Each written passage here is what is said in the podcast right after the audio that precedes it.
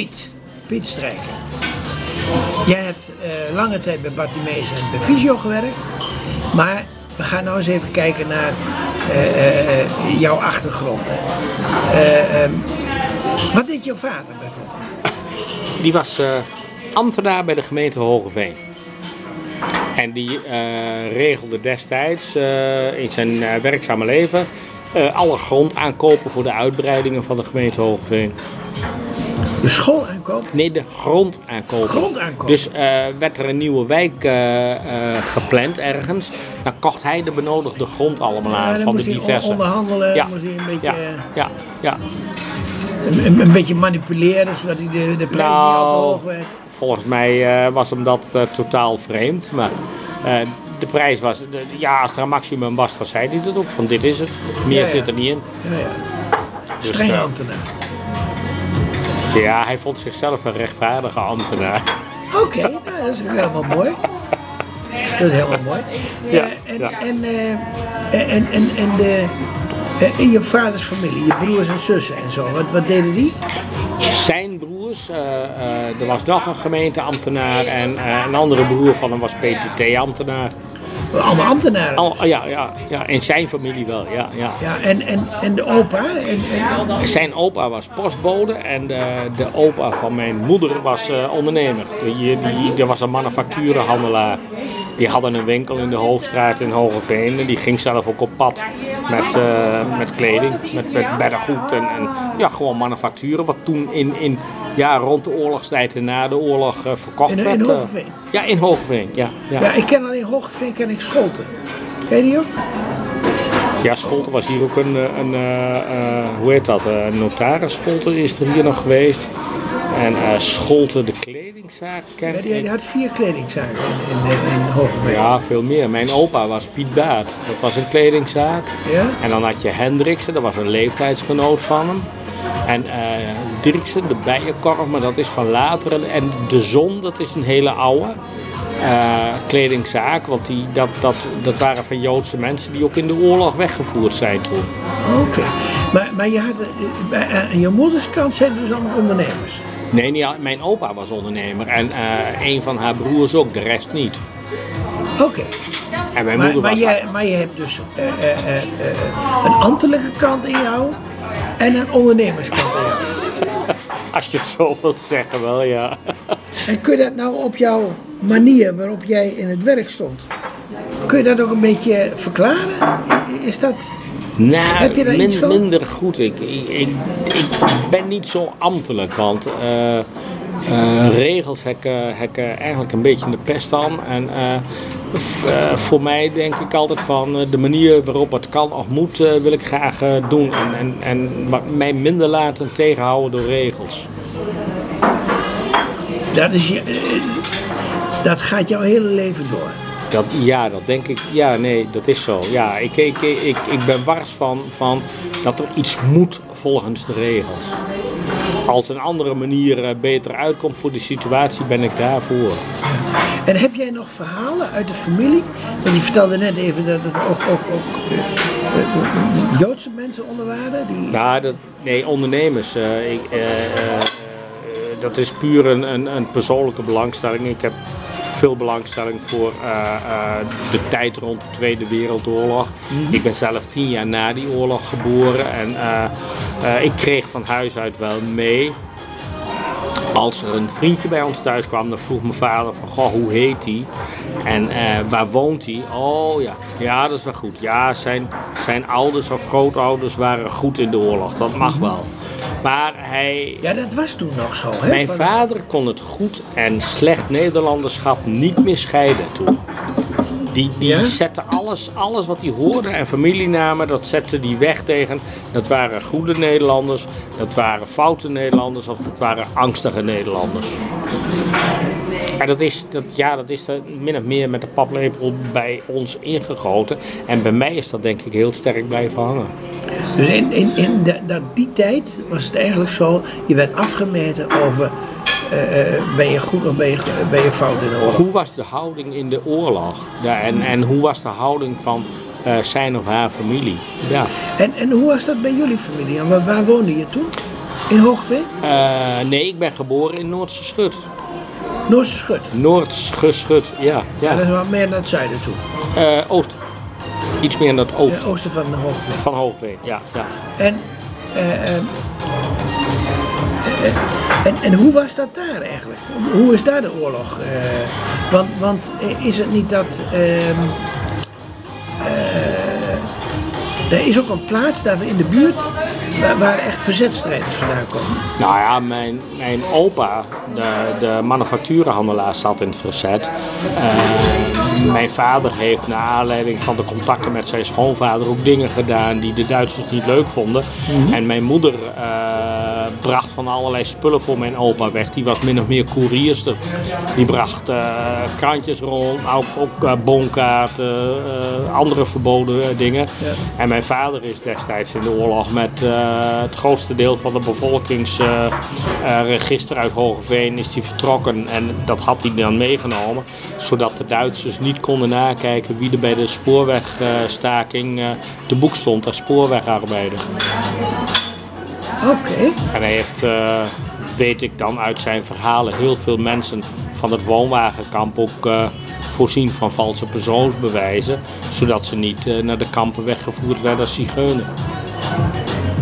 Oh, knap. Nou, weet ik niet. Ja, hij vond Nou het zijn plicht. is. Nee, maar. De, maar de een die vond het een plicht om dit te doen. Ja, En de ander vond het een plicht om mensen te verraden. Ja het, ik denk dat het geweten en, en misschien wel de kerkelijke moraal er ook debet aan waren. Dat weet ik niet. Wat Kan. denk je zelf? Ik denk, ik denk kerkelijke moraal, zeker bij mijn vader. Zeker. Maar Noorse Schut, dat ligt er ook vlak bij Nieuwe Landen. Nou, ligt er nog een klein stukje voor. In, eh, Dan heb je Hollandse Veld en dan, dan Elem en daarachter ligt pas Nieuwland. Oh ja, ja. En die nieuwe, Landen, die is, die is namelijk door eh Yad Vashem eh Ja. onderscheiden. Ja, ja, ja. ja. Want, want Dat- er zijn dus een paar mensen uit voortgekomen, die hebben gewoon eh, eh, Joden uit Amsterdam gehaald. En die hebben gewoon naar boeren gebracht. Van, Nee, dat klopt, dat klopt. Dus er was een, een levendige lijn vanuit eh, het Randstedelijk gebied, wat toen nog anders heette, maar dat was het Westen, zeg maar. En eh, Johannes Post, de verzetstrijder, Johannes Post, was, was bijvoorbeeld eh, iemand die boerde in Nieuwlanden. En dat, wat je toen heel veel zag, dat uit kerkelijke kring, dat waren de meest opstandige Nederlanders ten aanzien van de Duitsers. Dat, eh, en, en, en vanuit ook de kerkelijke gemeenschappen zijn gewoon hele groepen verzetstrijders toen ontstaan. En Johannes Post was eh, ja, geïnformeerd. Dus vandaar. En, en hoe, hoe was dat nou eh, binnen jouw familie? Wa- Was daar allemaal toch wel een beetje dat... eh, Binnen mijn familie. een beetje in het verzet terecht? Nou, in het verzet wil ik niet zeggen. Mijn vader en, en, en, en mijn moeder wel. Maar niet, niet, niet allemaal waren ze even actief. Maar de, de houding van hun was wel anti-Duits in de oorlog. Absoluut. Zowel bij mijn, mijn vaders als bij mijn moeders familie. eh, eh, die sympathiseerden zeker niet. Die waren tegen de bezetting. En, en verzetten zich ook daar waar ze konden tegen het eh, Duitse regime. Ja. En hebben ze nog gevolgen van gevonden? Niet dat het mij bekend is. Dus dat, ja, denk, ik, ik, ik kan denk ik wel zeggen van niet. Want het was in feite ook, eh, eh, Noord-Schut is waarschijnlijk ook veengebied, hè? Ja, de Hogeveen is het eerste veengebied vanaf Echten, zeg maar. Ja, Daar is het ontstaan. Ja. En eh, dat, dat zet zich door naar de Duitse grens, oostelijker, zeg maar. Dus Noordse Schut Ja, was... het was- Boertangenmoor eigenlijk, hè? Ja, ja, dat dat. Dat ja. moor, dat is de Duitse term, hè? Dat is... eh, Ja, nee, maar zo heet dat. Ja, ja, ja, Boetangenmoor, maar ik bedoel, dat, dat heet hier het veen dan. Maar Ja, ja, ja dat... dat, dat eh, eh, vanaf Hogeveen richting oosten is het allemaal veengebied. Dus Noordse Schut was veen en, en, en eh eh Nieuweroord, Geesbrug, het was allemaal Maar, veen. maar, de, maar de, de veengebieden hadden ook de naam dat ze namelijk, daar kon je makkelijk onderduiken. Ik Dat was, dat was zelfs al in, in de Napole Napoleonse tijd was dat al, hè? Dat daar mensen die geen soldaat wilden, eh, wilden zijn in het, Napoleon, het leger van Napoleon, die gingen in de venen werken. Nou ja, dat was natuurlijk uitgestrekt. En er waren hele gebieden die, die, die alleen de, de, doorgewinterde inwoners wisten daar door te komen. En een buitenstaander die verzoop in die uh, veemoerassen, want die wisten we echt niet. Dus het was ook een beetje de natuurlijke beschutting die, uh, die er gold. Maar, eh, maar die mentaliteit is waarschijnlijk ook door eh, doorgewerkt eh, vanaf de Napoleontische tijd, maar is ook doorgewerkt in, in de Duitse bezetting. Ja, dat denk ik wel. Ja, dat denk ik wel. Dat, dat, dat, uh, en, en dat was niet zozeer tegen het Duitse volk als wel tegen welke bezetting dan ook. Als dat Engelsen geweest waren destijds, hadden ze hetzelfde gedaan. Dat, uh, maar ja, ja. Het is, uh, het is een stukje geschiedenis wat ik zelf niet heb meegemaakt. Nee, Alleen uit overlevering. Maar het ja. waren, waren pioniers. Ja, ja. Oké, we gaan zo even verder.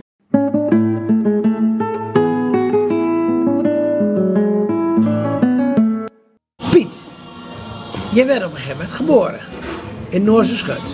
Dat klopt. Vertel eens, hoe, hoe, was de situatie daar?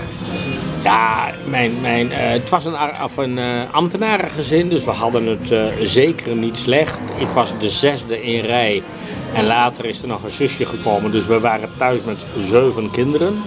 Maar dan hoorde je in Noorse Schut ook bij de notabelen?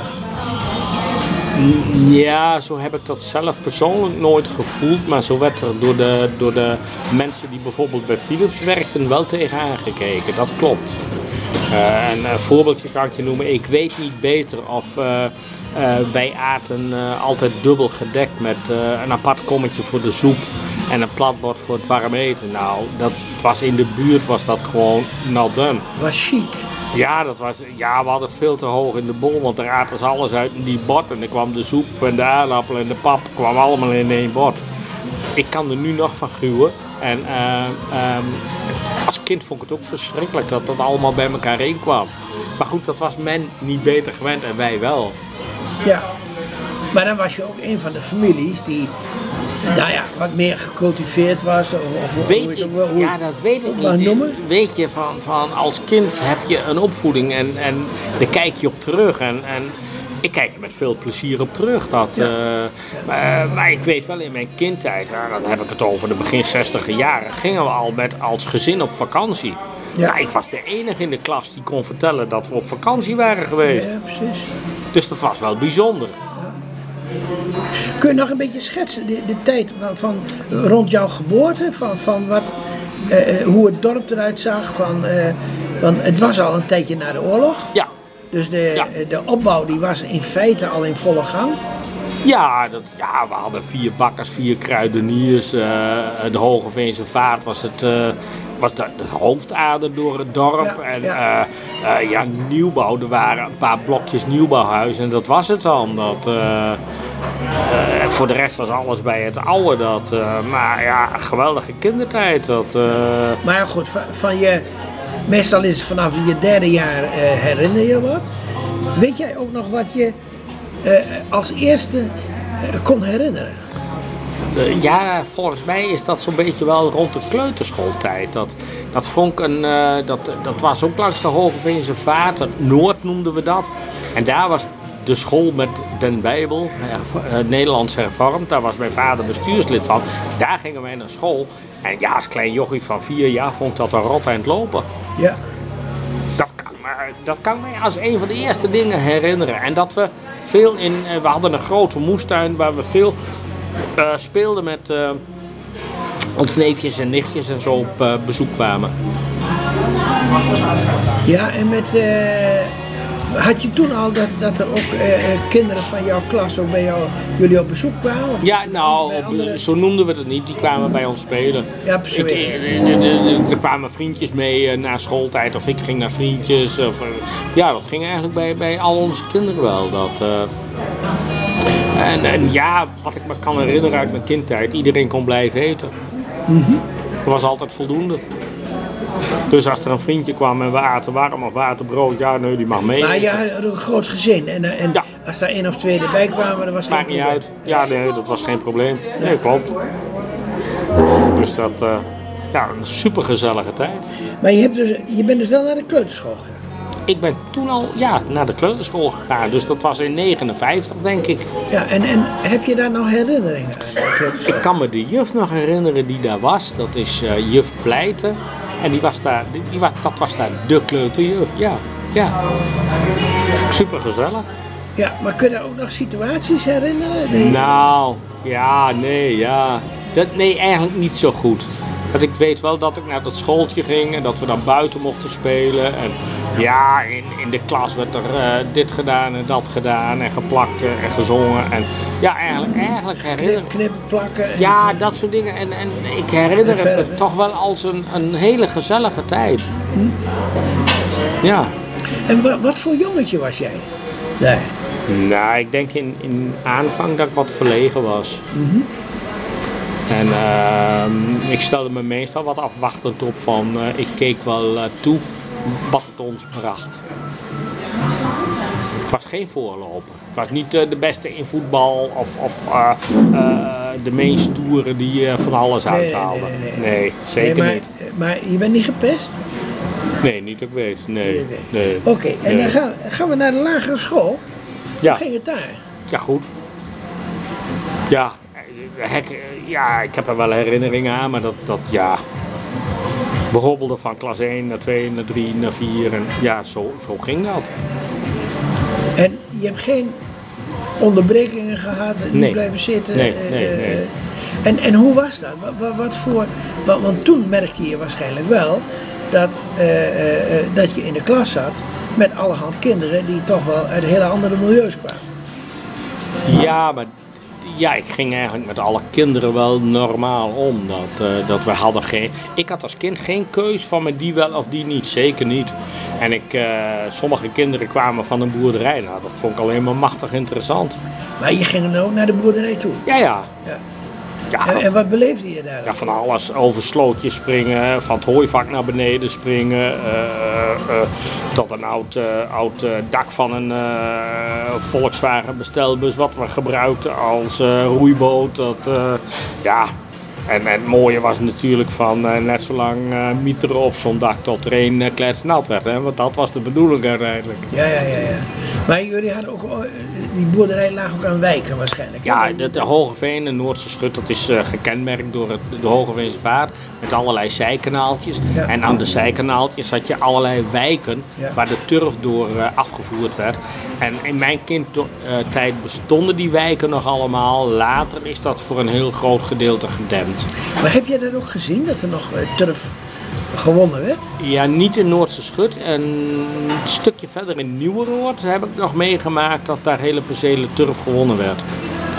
En uiteraard nog verder richting eh, Erika Klasineveen was toen de turf eh ontginning nog veel groter. Maar En die, ik die, die die lagen 100 meter eh, uit elkaar. Nou, dat weet ik. Als jij dat zo zegt, zal dat best Ja, zo zijn. eh, maar- om, om namelijk de, de afstand naar de, naar de wijk zo, zo kort mogelijk te maken. Dus het was eh, eh, maximaal 50 meter dat, dat ze moesten lopen met, met, die, Ja.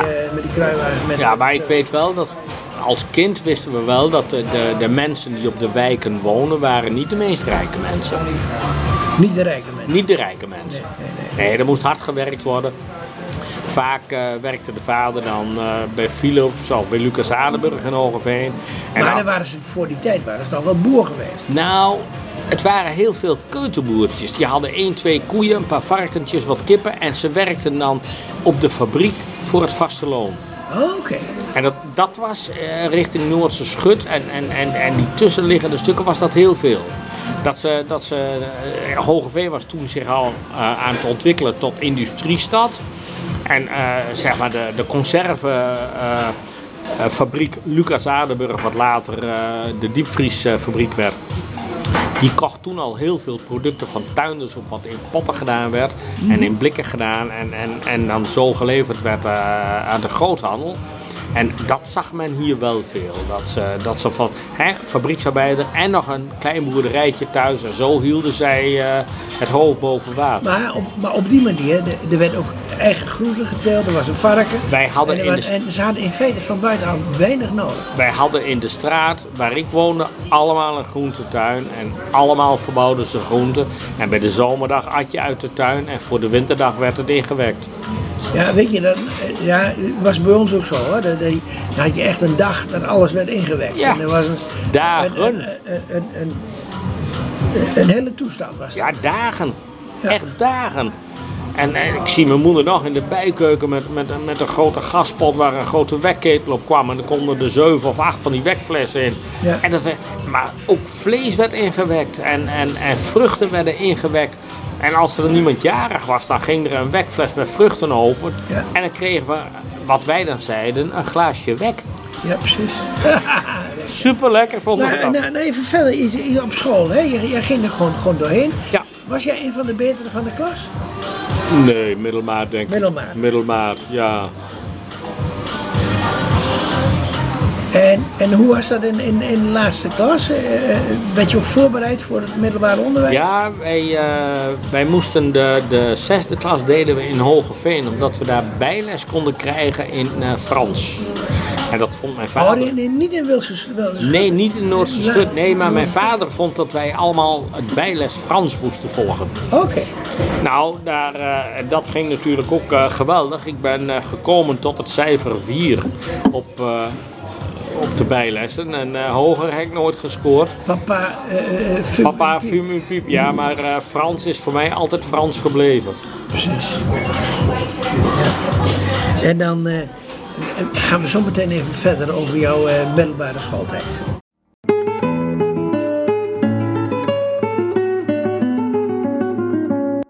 De middelbare schooltijd, waar ging je naartoe?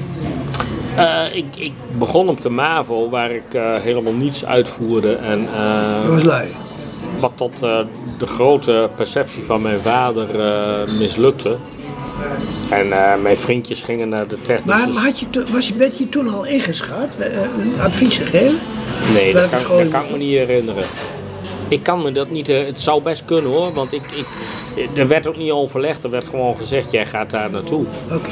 En, eh, Maar het ging niet goed. Nee, het ging niet goed. Nee, maar ik, ik had waarschijnlijk ook eh, meerdere boeken nooit open gehaald. Dus toen zei ik van, eh, laten we maar naar de technische school gaan. En dat was niet een bewuste keus, maar er gingen veel vriendjes naartoe. Ja. Nou ja, dat heb ik toen in één streep gedaan. En toen ik gediplomeerd was als elektricien, ik ben nooit bij een diploma-uitreiking of wat ook geweest, want mijn moeder heeft een diploma opgehaald. Want ik werkte toen al eh, eh, als eh, vakantiekracht bij Meer en Bos in Heemstede. Want daar werkten twee zussen en die waren ja, naastig op zoek naar vakantiehulpen. En daar, daar is mijn zorgperiode min of meer begonnen. Ik zou naar de school voor, als eh scheepsboordwerktuigkundige in de elektro. Maar er waren meer aanmeldingen dan leerlingen. En eh, daar werd ik niet geplaatst. Dus toen zei het hoofd daar in, eh, in eh, Heemstede van wil je niet blijven werken? Ik zei, ja, dat is prima. Zodoende ben ik de zorg ingerold. In het Instituut voor Epilepsiebestrijding Meer en Bos. Maar het betekent dus eigenlijk dat je hebt, je hebt de ambachtsschool gedaan. Heb ik nooit geen dag in gewerkt. Hè? Heb ik nooit- En, en, je bent elektricien, maar je hebt nooit... Nee, een diploma heb ik gekregen, maar dat was, dat was ook het, het laatste op het vakgebied wat ik gedaan heb. Ja. En wat heb je daar? eh, Je hebt dus gewerkt in Heemstede. Ja. Wat deed je daar? Een groepsleider. Op een, eh, Groepsleider van? een jongenspaviljoen. Een groep van twaalf jongeren. Ja, maar wat was dat voor paviljoen? Wat, voor Mensen met eh, die actieve epilepsie hadden, die werden daar opgenomen voor instelling van medicijnen, medicatie. En eh, als ze goed ingesteld waren, dan konden ze terug naar huis. Maar dan hadden we een eh, groep van twaalf jongeren die... eh, Allemaal met e- epilepsie. Ja, allemaal met epilepsie. Ja. En, en hoe heb je dat geleerd om daarmee om te gaan? Ja, toen was het gewoon van, dit is de afdeling, hier moet je staan en dit is het, red je. Ja, bizar, dat zou je nu niet meer mee kunnen maken, maar Maar toen was je je- jaar of 17, 18. ja, ja, 17. En, en hoe lang heb je dat gedaan? Eh, dik een jaar. En eh, toen ben ik eh, ja, meer dan ruim een jaar. En toen ben ik naar Huizen Heimenstein in eh, Renen gegaan. En eh, dat was een instelling voor ja, zwakzinnig, een zwakzinnige instelling, zeg maar. Mensen met geestelijk gehandicapten. Ja? En daar heb ik op het uh, de dependancehuis, de Hucht, dat was een oud missiehuis voor de paters. Daar heb ik op een groep gewerkt totdat ik in dienst moest, want toen was ik inmiddels 18. Toen moest ik in dienst. En uh, ik ben dus 12, 16 maanden in dienst geweest. En wat heb je in de dienst gedaan? Uh, ik was bij de cavalerie, tirailleur en uh, in mijn parade. En wat is de cavalerie? Cavalerie, dat is ja, de brede groep, zeg maar, het oude paardenvolk. Dus wa was van, van, vroeger waren de paarden? Ja, ja tanks hadden wij. En, en, maar de later tanks geworden? Ja, tanks. En uh, ik had als gevechtsfunctie dat uh, vanuit een verkenningsvoertuig moest ik met de grote tanks meelopen om ze te behoeden voor sluipschutters die in dorpjes konden zitten. Mm -hmm. Dat was eigenlijk het belangrijkste. Maar ik was ook tevens barkeeper. En ik heb de twaalf maanden dat we paraat in Duitsland in Zeedorf zaten, was ik voornamelijk barkeeper. Dus dat, daar hebben we drinken geleerd. Zuipen Nee, drinken. Je wilt het altijd nog netjes houden, hè, vanuit je opvoeding. ja, maar goed van. Uh, en na die tijd uh, waren ze verplicht, toen was de werknemer verplicht om je terug te nemen. Mm -hmm. Maar toen had ik uh, inmiddels een, een, meisje leren kennen waar ik eigenlijk wel gek op was. En die was kleuterjuf in Hogeveen. Dus ik wou dichter, uh, dichterbij, niet meer naar uh, heen, of naar Renen. Ja. En ehm, dus toen was er inmiddels een, een, een groep die, die had het huis de Echter gekocht in Echten.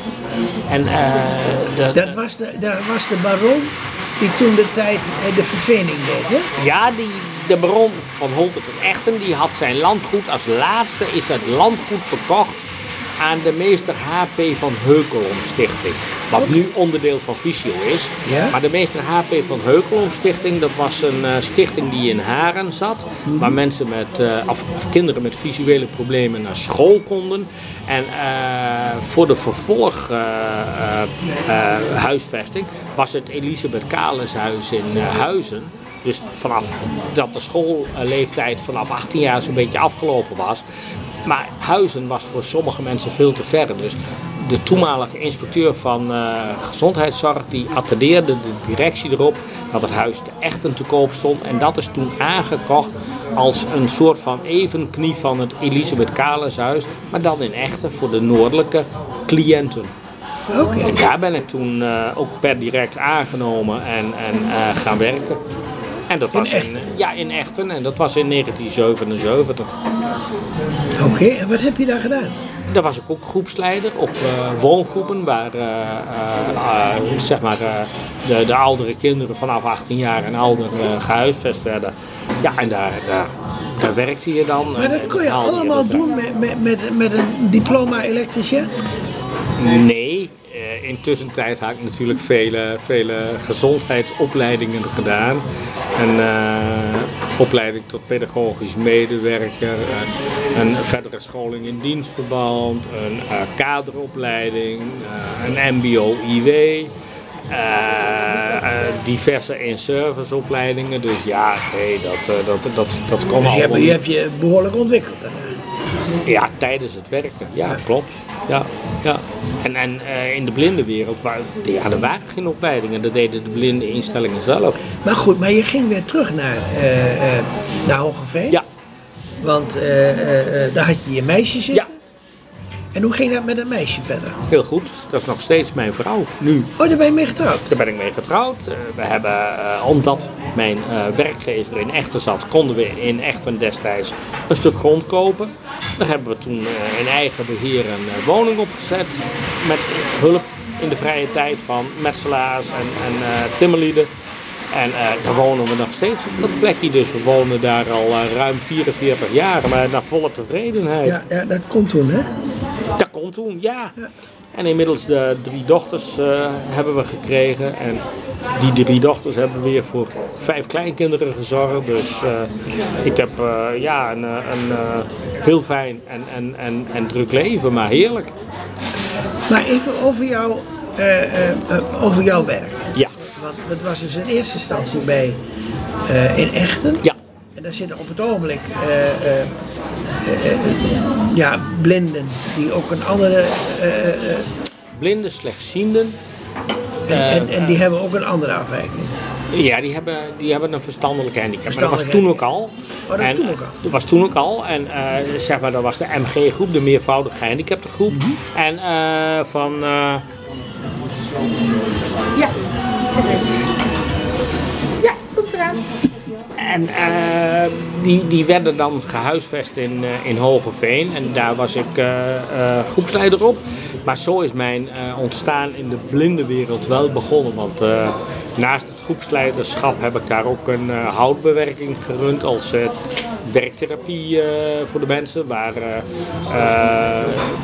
de webbingstoelen werden gemat en al dat soort zaken. En nou ja, van alles ontwikkeld.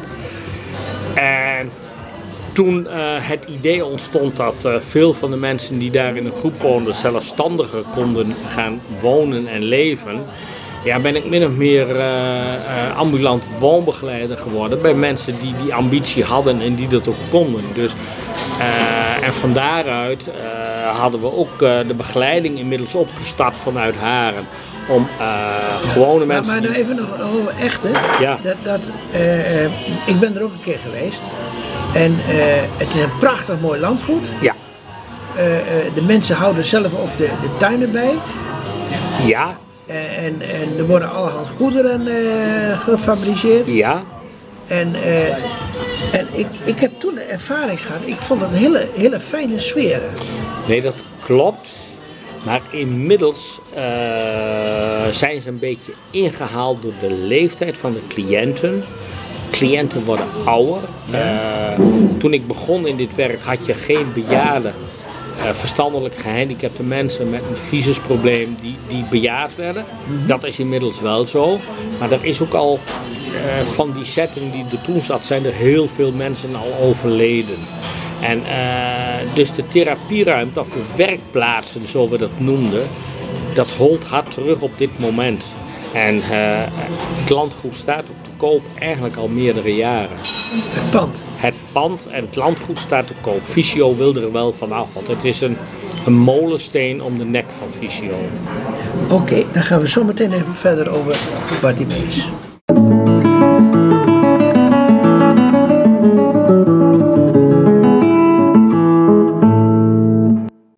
Piet, jij kwam uh, vanuit Visio in Echte. Uh, kwam je op een gegeven moment toch op het idee om naar Bartimeus te gaan? Nou, het is iets anders. Ik, ik ben bij Fysio weggegaan. Eerst naar een uh, zorgorganisatie en dan mocht ik de ambulante woonbegeleiding zelf naar eigen smaak en eer opzetten. Dat heb ik gedaan. En na een jaar trok de bestuurder de stek... Maar daar moet je me even iets meer van vertellen. Wat, wat, wat is dan die, die, die woonbegeleiding? Wat, wat versta je daaronder? Ambulante woonbegeleiding is cliënten die thuis uh, een beetje vastlopen in, uh, door, door middel of, of door hun visuele handicap kunnen ze bijvoorbeeld de brieven niet meer lezen, hun administratie niet meer doen, snappen ze de bankafschriften niet meer. Ja, jij zorgt dat die stapel en enveloppen in ieder geval weggewerkt worden. Ik zorg dat ze hun normale leven kunnen leiden. Ik lees de dingen voor, ik bespreek de dingen met ze en, en samen uh, zoeken wij de oplossing uh, die, die op dat moment uh, beantwoord moet worden. En de cliënt bepaalt wat er dan gebeurt. Wat het wel of niet beantwoordt, ik kan ze hooguit waarschuwen. Als je het niet beantwoordt, kan het consequenties maar, hebben. Maar, ik, maar ik constateer, ja, woonbegeleiding, dan denk ik van nou, het type woning waar je woont. Maar, nee, dat maakt maar niet dit uit. is eigenlijk meer leefbegeleiding. Zo mag je het ook noemen. Ja. Zo mag je het ook noemen. Ja, dat is het. En uh, uh, zo, zo is het ook. Van ik begeleid iemand uh, die daardoor zo zelfstandig mogelijk kan blijven wonen. Alleen op die deelgebiedjes wat niet lukt, daar ondersteun ik iemand in. Ja, ja. En, en jij, jij probeert wel om mensen namelijk zo zelfstandig mogelijk te laten zijn? Nee, dat, dat vind ik een must mensen moeten, moeten zelf de regie houden en, en ik ondersteun ze daarin, maar ik neem niks over. Oké. Jij, iemand voelt, neemt, jij voelt alleen maar in ja, wat, iemand ze, neemt, wat ze pertinent niet kunnen. Iemand neemt zelf de beslissing. Ja. En, en ik doe dan wat de beslissing is. Maar ik, ik ga dat niet overnemen. Ik ga niet zeggen van nou je moet dit of je moet dat. Ze moeten helemaal niks. En als ze mij zat zijn, dan uh, mieteren ze mij in één keer uit. Dat is ook prima. Maar ik bedoel, ik probeer door mijn hulp dat iedereen met een beperking zo zelfstandig mogelijk kan blijven wonen in zijn eigen situatie. Oké, okay, dat deed je dus nadat je bij uh, Fysio weggegaan ja. bent. En, en hoe was het dan, wanneer kwam je dan bij Bartimeus terecht? Nou, toen de zorgorganisatie waar ik uh, de woonbegeleiding zelfstandig had opgezet, trok de bestuurder de stekker eruit. En toen denk ik van, wil ik dit? of wil ik dit niet? En toen heb ik nagedacht, ik denk van nee, ik wil toch het liefst weer bij een eh, instelling voor blinden en slechtzienden werken. Daar zit een hoop kennis, daar zit een know-how, daar kan ik op terugvallen met vragen. En toen heb ik gesolliciteerd bij Bartimeus, want dat was toen de enige club die ernaast Visio was. En toen heb ik uh, gezegd van joh, ik heb uh, zoveel klanten, een volledige week uh, aan begeleiding. En die klanten kunnen jullie krijgen, dan heb je mij als begeleider erbij. Het is geen sollicitatie, jullie kunnen niet een deeltje afwijken. Jullie zeggen ja of nee. En daar hebben ze ja op gezegd. Oké. Okay. Maar, maar je was, kijk, Bartimeus die was namelijk niet zo, in het noorden hadden ze niet zoveel klanten. Nee, dat klopt. Dat klopt, in het noorden En is dat bij jou begonnen dat ze toen wel uh, wat deden? Dat is uh, door mijn gedram binnen Bartimeus begonnen dat ze wel wat deden in het noorden. Ja, dat klopt. Ben je zo'n drammer? Ja, in die zin wel. Ik vond namelijk dat uh, blinde, slechtziende klanten in het noorden op zijn minste keus moeten hebben uit de overige twee instellingen die er nog zijn. Maar is dat dan, toen jij namelijk bij Bartimeus kwam, is toen Bartimeus Noord ontstaan? Ja. En vertel eens even verder. Wat, wat, wat, wat was nou specifiek aan, aan Bartimeus? Uh, uh, uh, wat, je daar vond en wat je niet bij Visio vond? Nou, in die zin moet ik uh, Bartimeus nageven dat ze een hele goede werkgever is. Die hebben oog en oor voor de medewerker. Die luisteren naar je, die vragen van wat er nodig is. En die faciliteren die dingen ook. En nou, ze hebben wel gezorgd dat datgene wat ik in het noorden ontwikkelde, ook, ook binnen Bartimeus gestalte kon krijgen. En tuurlijk ging dat met vallen en opstaan. En tuurlijk was het wel eens moeilijk. Maar het is nooit zo geweest dat ze gezegd hebben van we stoppen met de hele winkel. Ze, hebben, ze zijn blijven faciliteren en dankzij uh, uh, nou ja, mijn werkhouding en, en, en, en het doorzetten werken er nu meerdere collega's in Noord-Nederland en hebben op zijn minste klanten de keuze uit, uit die twee instellingen die nog over zijn, Bartimeus en Visio. Maar het was wel opboksen tegen, uh, tegenover Visio. Uiteraard, uiteraard was het opboksen en, en, en uh, ik, ik weet van ex-collega's dat, uh, dat ze het eigenlijk niet gunden dat er in het noorden wat extra's kwam en dat er nog een instelling kwam. En, maar dat vind ik gewoon kinderachtig, want de klant heeft de keuze en ze moeten daar niet in sturen sturend willen zijn. Maar wat was jij nou als uh, Bartimeus? Wat deden jullie beter? Laat ik maar zo zeggen. Wat deden jullie beter dan Visio? Luisteren naar de klant en doen wat de klant vroeg. Ja, maar dat zegt Visio ook. Nee, ja, ja. Dat snap ik. Ik kan met volle overtuiging zeggen dat wat ik bij Visio niet mocht doen, mocht ik binnen Bartimeus wel. Luisteren naar de klant en doen wat ze vroegen. En dat heb ik ook altijd gedaan. Je bedoelt dat je bij Visio niet naar de klanten mocht luisteren? Minder. Daar waren de regels eerder bepalend dan de klant vraagt. Dus jij vindt dat Bartimeus meer klantgericht is dan ja. Visio? Ja. Oké. Okay. En wat heb je daar verder gedaan? Want ik heb je ook een keer meegemaakt als circusdirecteur. Dat was op een beurs, dat klopt. Dat, uh, ik heb me in de, in de breedste zin des woords uh, altijd opgeworpen om uh, Bartimeus onder de aandacht te brengen van mensen met visusproblemen. En ze te vertellen wat ze van Bartimeus konden verwachten en wat ze aan ons mochten vragen en wat wij deden. En dat deden we middels beurzen, middels flyers, middels, middels uh, bijeenkomsten, uh, uh, meewerken aan macula cafés en al dat soort dingen. Daar hebben we altijd aan meegewerkt. En ja, ik denk dat mijn collega's dat nog steeds zo doen. Ja, ik ben jou een keer tegengekomen. Dat was op een beurs in, in, in Martini Plaza. Plaza, ja. geloof ik. Ja. ja.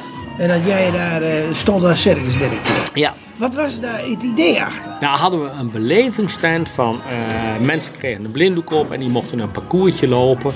En daar konden ze beleven wat iemand met visusproblemen gewoon op straat kan tegenkomen. Wat lastig is, wat vervelend is.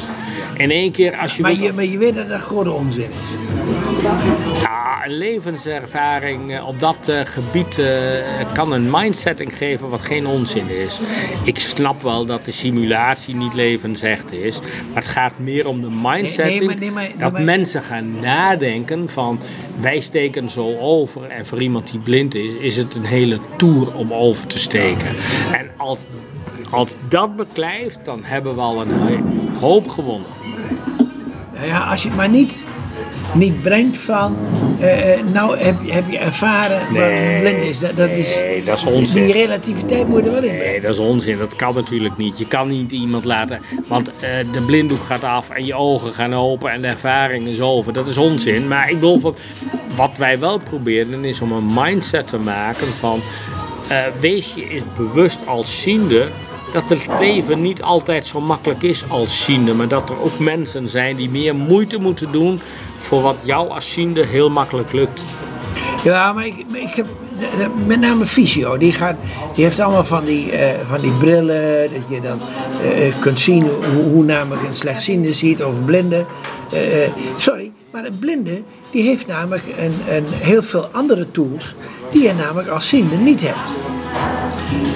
Eh, eh, dus je, het is alleen maar blinddoekje spelen. Nee, nee, wat wij eh, daar proberen in de beurs te, te, te benadrukken is dat mensen gaan nadenken over hun toestand. En als iemand zien lopen met een stok, dat ze ook gaan nadenken van wat dat is voor iemand. En niet alleen maar. En heb je ook ervaren wat daar, wat daar de gevolgen van waren? Zijn daar ook, heb je ook gezien dat mensen daar iets mee deden? gezien eh, in mindere mate, achteraf gehoord wel, dat mensen daar wel zijn over na gaan denken. En eh, dezelfde dingen heb ik ook eens eh, gedaan binnen de gemeente Tinalo met ambtenaren.